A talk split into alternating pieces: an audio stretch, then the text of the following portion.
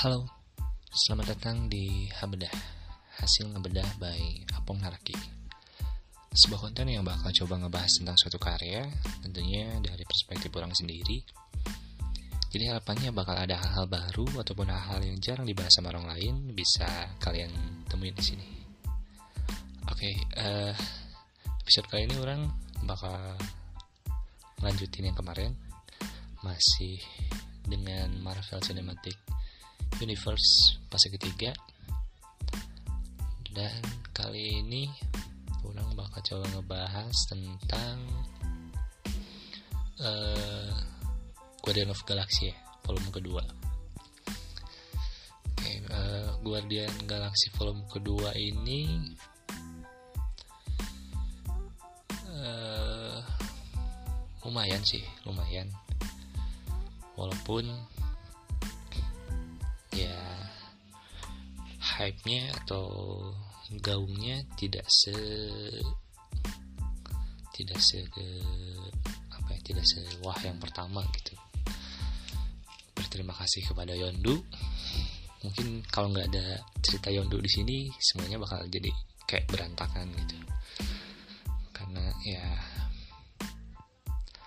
masalah Guardian of Galaxy itu menurut orang belum belum nemu villain yang ini aja sih villain yang setara gitu. Jadi dari mulai film yang pertama film yang pertama tuh ya be, e, beberapa gitu yang dari mulai krunya si si Yondu terus si Ron, Ron, Ronan ya Ronan gitu ya, masih masih lebih kuat mereka gitu masih lebih kuat uh, si apa Guardian galaksinya gitu. Nah kalau di volume per kedua ini sebenarnya masalahnya yang lebih gede sih kayak uh, masalah sama yang kaum apa ya, yang kuning emas itu. Itu gitu terus si ya si krunya si Yondu terus sama bapaknya si Peter Quill. Lebih rumit sebenarnya sih tapi ya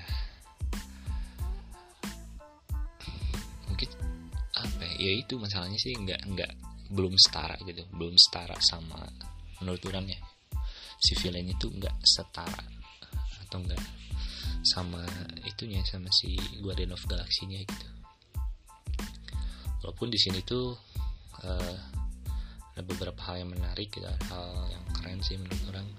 Kayak misalnya uh, psikologi perubahan psikologisnya si si Grex gitu kayak yang di pertama tuh kayak marah-marah terus itu kan orangnya temperamen segala macam itu.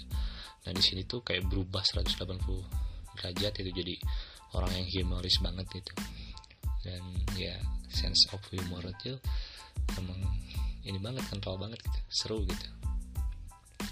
Terus si Rocket yang ya dari awal juga sebenarnya emang gitu sih ya nggak terlalu berubah gitu. Tapi di sini uh, dipaduin atau di di apa ya diadukan gitu di ditabrakin sama egonya si Peter Quill gitu jadi kayak match gitulah gitu. uh, apanya ya kayak perdebatannya segala macam gitu. terus si uh, kepolosan si siapa si uh, si Groot gitu juga sih jadi kayak melihat melihat bayi gitu balita yang ya gitu dengan sifat polosnya dan segala macam gitu jadi secara karakter sih di sini masih uh, menarik gitu masih menarik gitu. terus gimana uh, sifat Siondu sebenarnya terus uh, masa lalunya dengan tim Revengers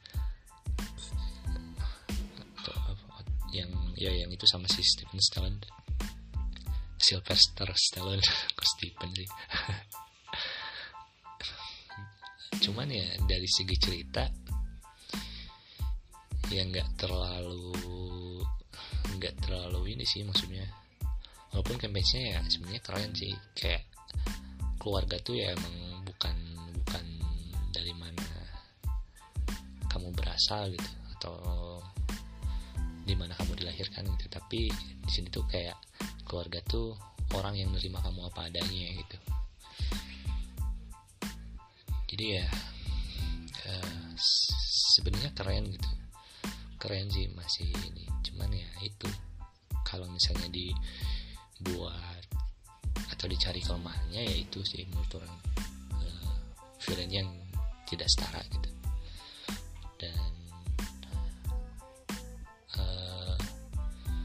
tiba-tiba ditemuin sama kayak apa ya? Kalau di situ dibilangnya God dengan G kecil gitu. Kayak, kayak semacam Tuhan dengan huruf T yang kecil gitu kan T yang besar itu jadi kekuatan yang gede sebenarnya yang dahsyat gitu. Tapi ya punya sisi lemah juga ternyata gitu. Itu ya center ini gitu. Si otaknya emang bentuk asalnya emang kayak gitu gitu. Jadi ya tetap sih menurut orang problem problem utamanya ya bias kekuatannya itu gitu. Nggak jelas sih. Maksudnya eh, hal-hal yang semestanya gede gitu. Hal-hal yang ya semacam planet lah segala macem lah gitu. Uh, ya batasannya ukurannya lebihnya kurangnya tuh buat orang pribadi uh, biasa aja gitu nggak nggak nggak bisa keukur gitu. Itu sih paling kalau gue di of Galaxy ya selebihnya ya masalah musik tetap masih jadi uh, nomor satu lah gitu. Karena berkat film ini style Marvel tuh berubah gitu. Jadi hampir setiap film sekarang uh, style musiknya ngikutin ngikutin Guardian of Galaxy atau ngikutin si James Gunn gitu. Jadi banyak ngelipin musik-musik secara utuh gitu. Di beberapa adegan gitu. Itu sih humor ya menyenangkan film ini menyenangkan untuk ditonton gitu. Actionnya juga enggak menarik gitu.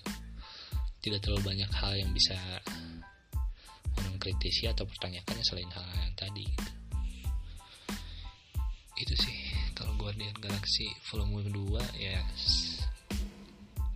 ya selain hal yang udah paling tau lah kayak si Yondu segala macam gitu terus ya si Nebula gitu Nebula ya, saudaranya si Gamora itu juga lumayan sih. Kayak perselisihan uh, adik kakak gitu saudara ya perselisihan cewek gitu ya gitu sih. Ya kerasa banget sih menurut orang. Ya emang kayak gitu sih cewek uh, berebut perhatian lah terus ya uh, apa jadi melebar ke mana-mana gitu. Masalahnya sebenarnya cuma ya pengen pengakuan dan kayak semacam apa ya perhatian gitu sih.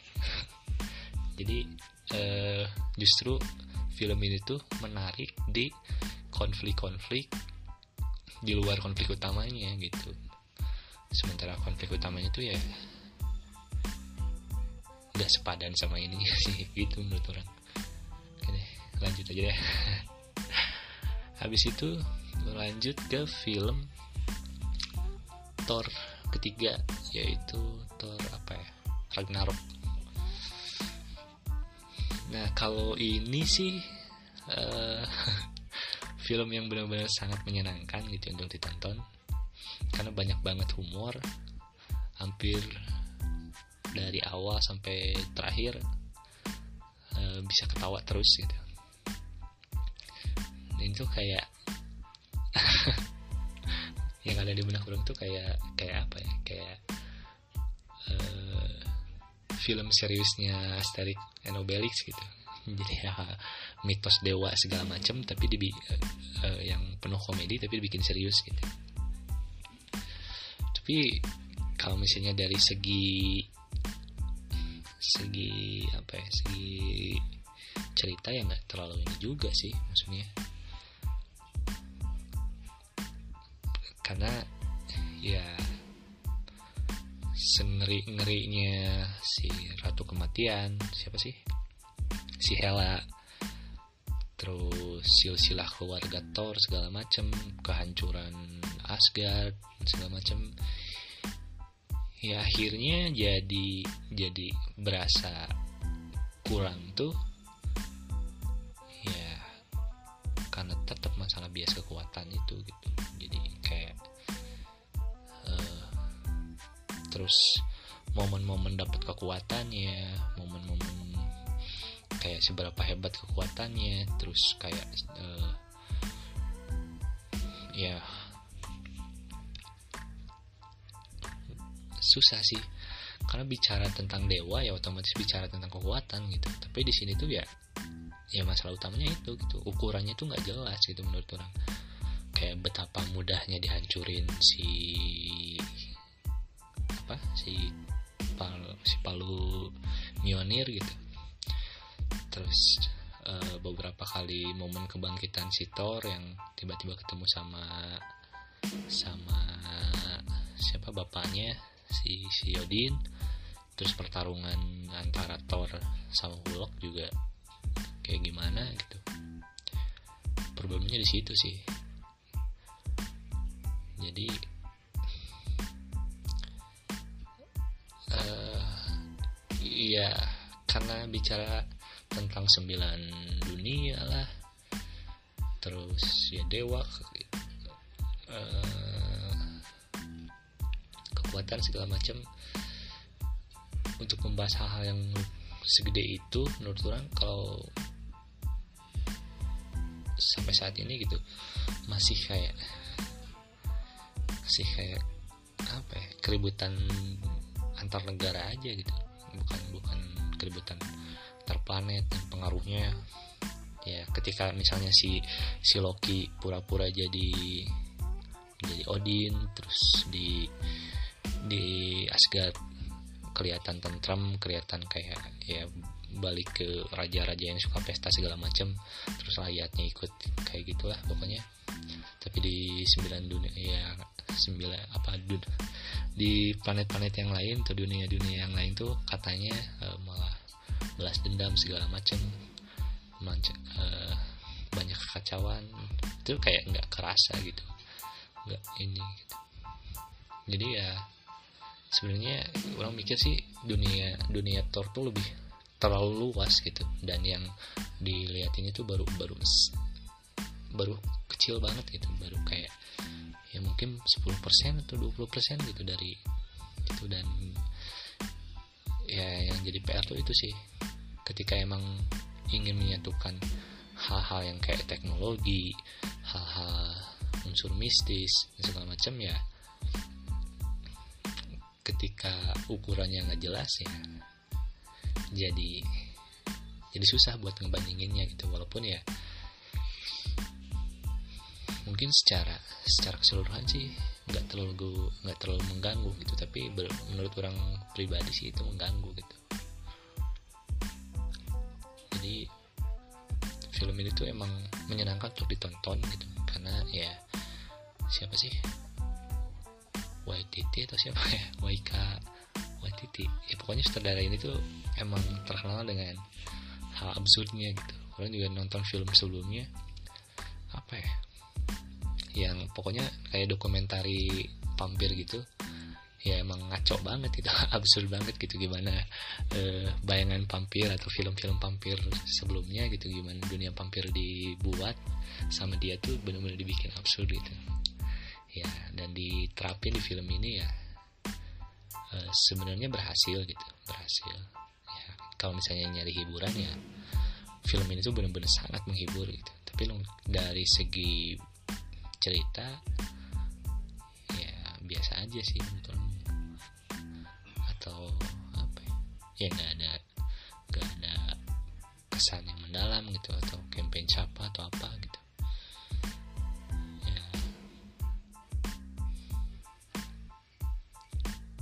Ya gitulah. Perselisihan Loki Thor juga ya gitu. Naik turun naik turun naik turun ya. Emang kayak ya kayak mungkin kayak hubungan saudara pada umumnya sih. Tapi ya itu sih problem utamanya. Ketika berbicara tentang dewa ketika berbicara tentang planet segala macam kekaisaran ya. Ya itu kayak kayak terlalu kecil aja sih maksud gitu. Terus lanjut ke film Spider-Man ya Spider-Man Homecoming. Uh, film ini uh, sebenarnya lebih lebih apa ya? Lebih besar apanya ya, porsinya gitu. Ke film Sony Picture sih dibanding Marvel walaupun uh, Marvel di sini masih sebagai pihak yang jadi kerjasama atau co-productionnya gitu. Jadi uh, kalau orang nggak salah dari adi ulang sih kalau nggak salah. Ya jadi uh, perjanjian Sony sama Marvel Studios tuh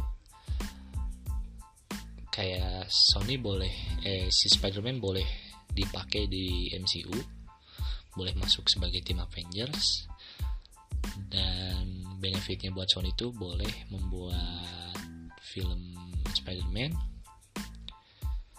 dengan menggunakan dunianya si MCU itu gitu. Kalau nggak salah sih. Dan hasilnya ya menurut orang keren sih. Bagus itu. Uh,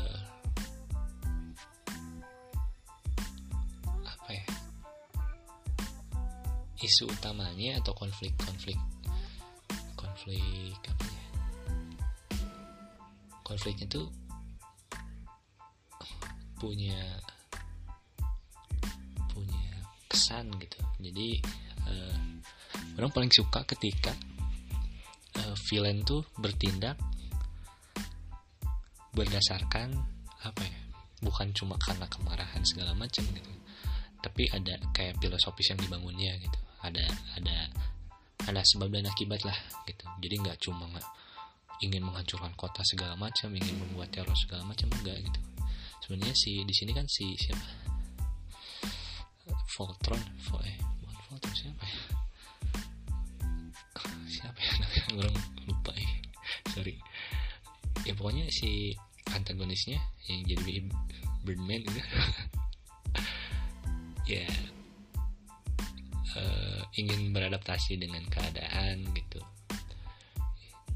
Dan ya set apalagi setelah setelah banyak kesewenang-wenangan gitu dari beberapa pihak yang mengakibatkan dia tuh kayak kehilangan pekerjaan dan ya dia tuh bertanggung jawab sebagai kepala keluarga bertanggung jawab sebagai pimpinan regu atau perusahaan gitu. Dan dia tuh sebenarnya pengen pengen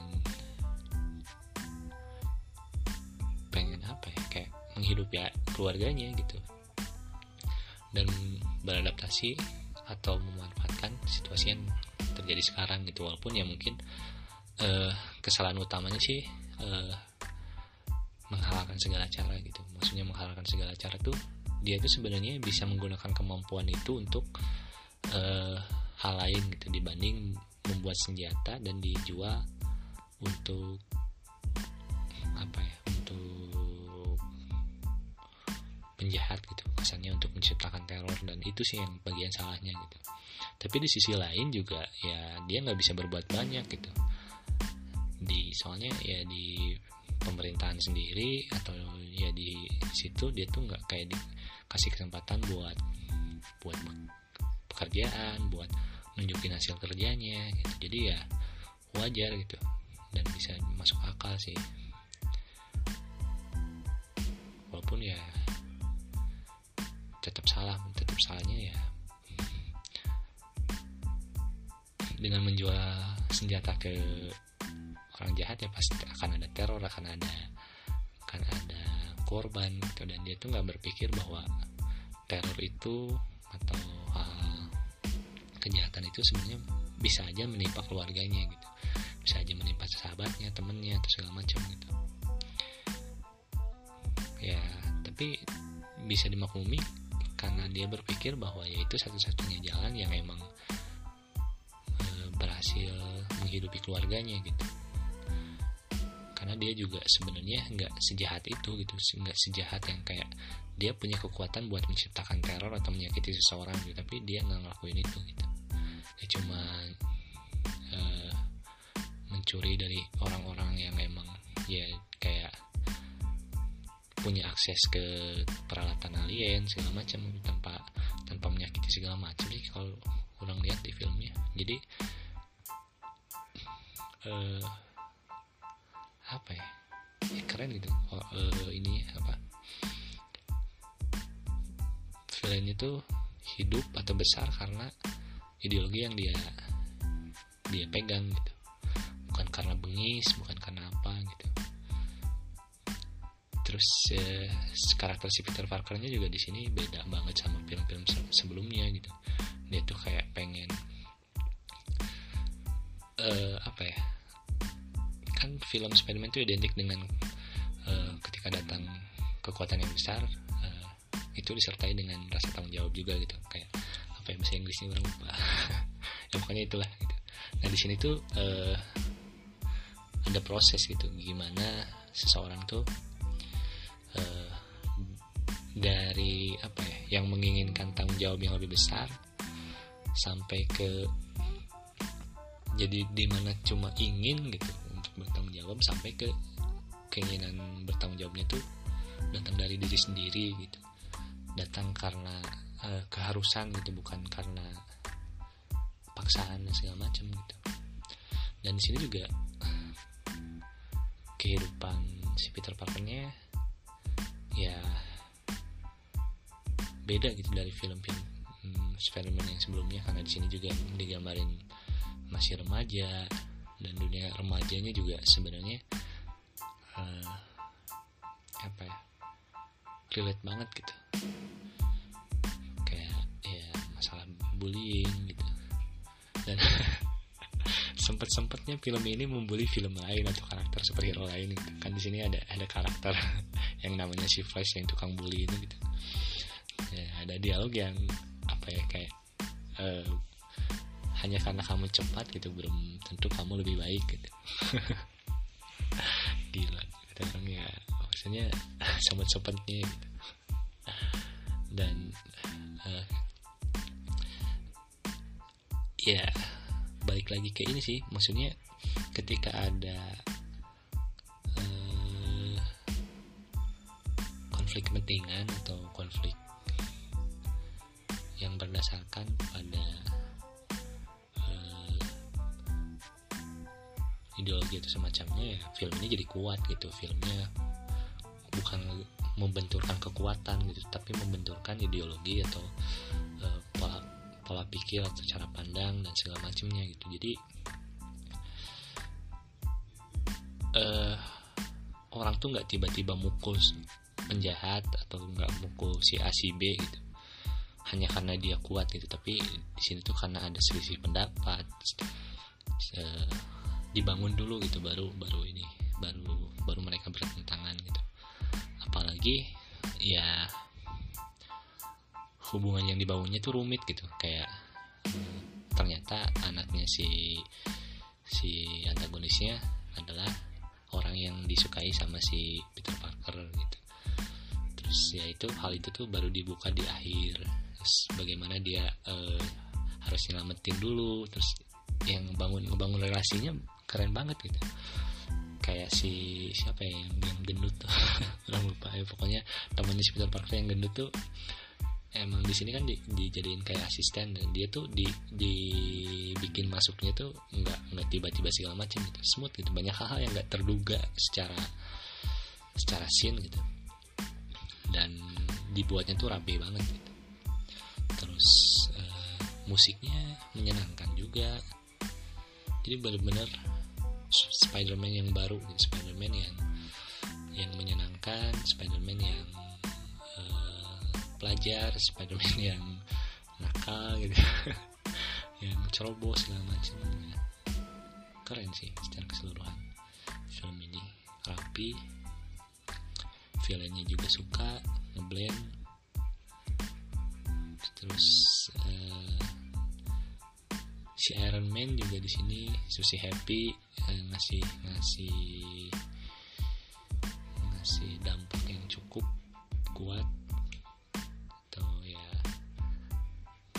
karena tindakan mereka atau apa pun yang dia lakuin kebentuk sih jadi Spider-Man kayak sekarang gitu. Kayak belajar buat jadi superhero tuh gimana sih si Tony Stark ngajarinnya gitu. Keren banget sih orang suka gitu. kalau dulu sih ya nganggapnya biasa aja gitu. Karena mungkin eh, perspektifnya perspektifnya masih beda gitu. Kalau sekarang ya ini sih eh, produksinya rapi banget gitu. Produksinya rapi banget actionnya rapi segala macam ya keren sih film ini gitu. Terus film apa lagi ya? Spider-Man. Oh iya eh, terakhir film ini film Black Panther. Nah Black Panther tuh uh, kelemahan terbesarnya adalah menurut orang perubahan karakter yang di mana si siapa namanya?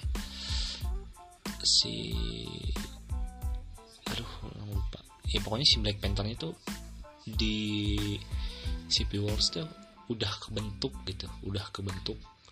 Udah punya karisma yang kuat punya kebijaksanaan gitu. Tapi di sini tuh di film solonya malah kayak ragu-ragu lagi uh, pikirannya belum mateng. Jadi kayak drop aja gitu. Kayak ya kalau misalnya dibilang gara-gara kehilangan ayahnya ya di Civil Wars juga udah kehilangan ayahnya gitu. Tapi nggak nggak se nggak se apa ya nggak se pelan itu gitu. Orang ngelihatnya itu malah malah karakter yang menonjol di sini tuh kayak si musuhnya siapa sih? Ya saudaranya sih itu gitu terus uh, si Agent Rose kemudian adik adiknya pacarnya gitu malah lebih menonjol dan karakter-karakter lainnya tuh lebih menarik perhatian orang gitu dibanding si Black Panthernya gitu. Jadi masalah utamanya yaitu karakter utamanya kalah kalah apa ya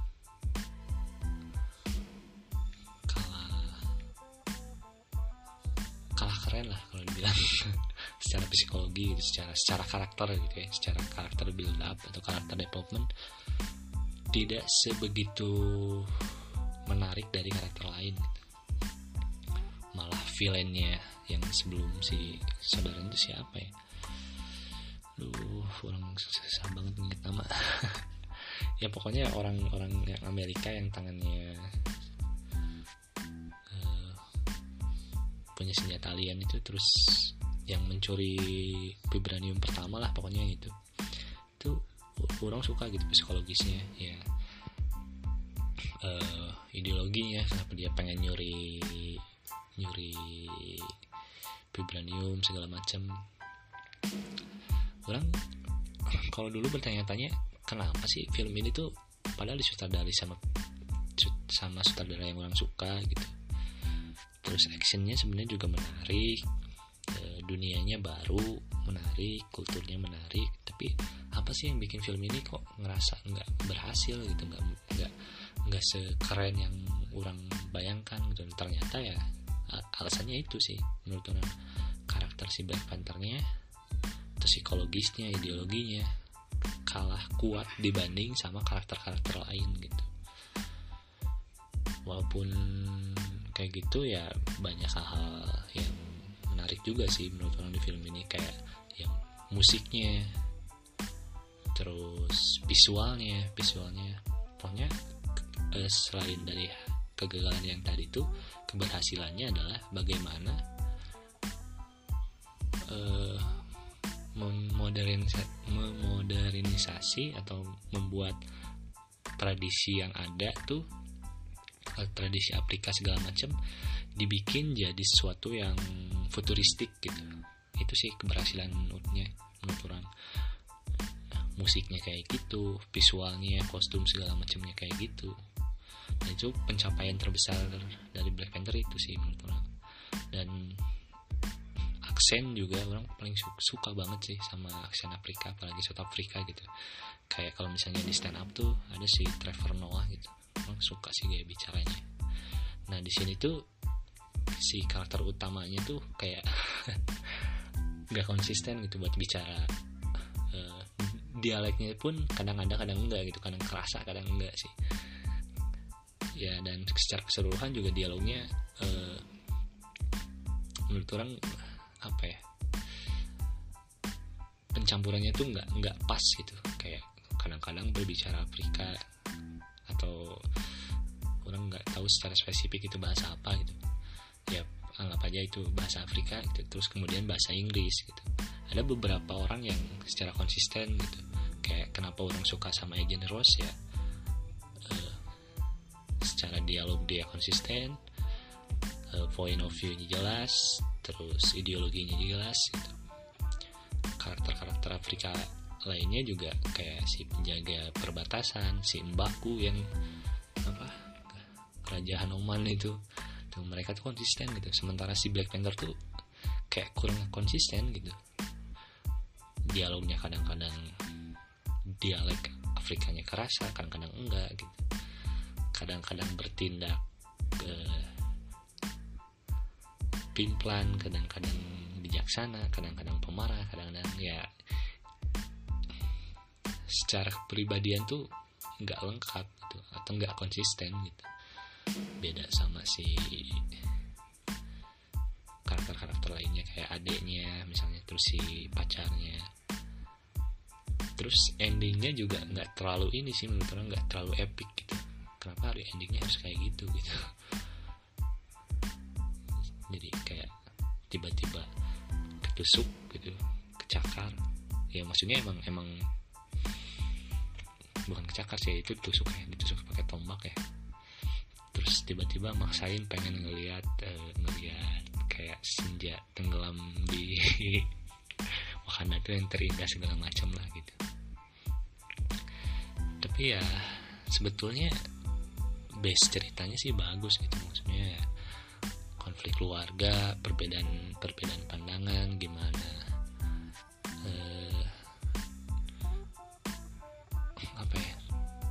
keadaan dunia segala macam gitu penindasan dan sebenarnya keren sih secara base ceritanya gitu. Kayak pen, penjajahan kayak gimana apa yang dia alamin sama uh, kaum kulit hitam segala macam. Tapi ya itu sih uh, ada beberapa hal yang tadi orang udah sebutin jadi ngeganggu buat ininya gitu dan lagi-lagi gitu. Di intronya kan dibilang bahwa vibranium itu zat terkuat dalam semesta gitu. Terus datang ke bumi di aku sebagai logam terkuat di di bumi gitu. Tapi ya lagi-lagi bias kekuatan sih. Jadi kadang kadang si alatnya bisa hancur kadang-kadang bisa kegores kadang enggak kadang ya itu jadi agak PR juga sih jadi jadi membuat orang bingung sih. Gitu. Terus pertarungannya juga gaya bertarungnya juga sebenarnya agak beda sih. Gimana pas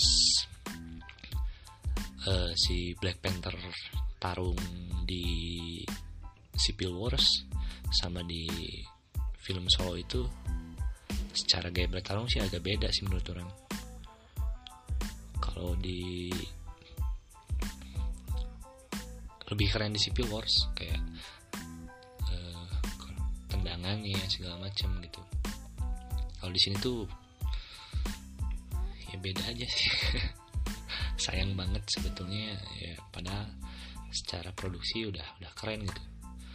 Gimana merubah tradisi Afrika yang masih kerasa tradisionalnya tapi kerasa juga futuristiknya gitu tapi ya secara itunya ya kurang. Itu paling yang kurang bisa bahas sekarang. Uh, ntar di episode selanjutnya orang bakal ngebahas tiga film lagi yaitu film Avenger Infinity Wars kemudian Ant-Man and the Wasp terus uh, film apa uh, Captain Marvel sebelum nanti orang bahas endgame secara keseluruhan. Oke, okay, uh, eh, terima kasih banyak udah ngedengerin konten ini sampai akhir. Mudah-mudahan ada hal-hal baru yang didapat dan buat orang pribadi bisa membuat karya yang lebih baik atau konten yang lebih baik atau hal-hal yang ya yang bisa dibagi lebih baru lagi atau lebih lebih keren dari ini gitu formatnya apa pun gitu. Atau garis besarnya atau cara penyampaiannya segala macam pokoknya. Dan kalau misalnya ada saran ada kritikan ada masukan ada koleksi dan hal-hal yang pengen dibahas khususnya setelah uh, dunia Marvel ini selesai orang bahas boleh DM orang di Instagram atau di Facebook. Atau boleh ngirim email juga sih ke ya apongmaraki@gmail.com eh, di Instagram apong underscore naraki. Gitu. Oke sekian. Orang apong naraki pamit. Ah, Abra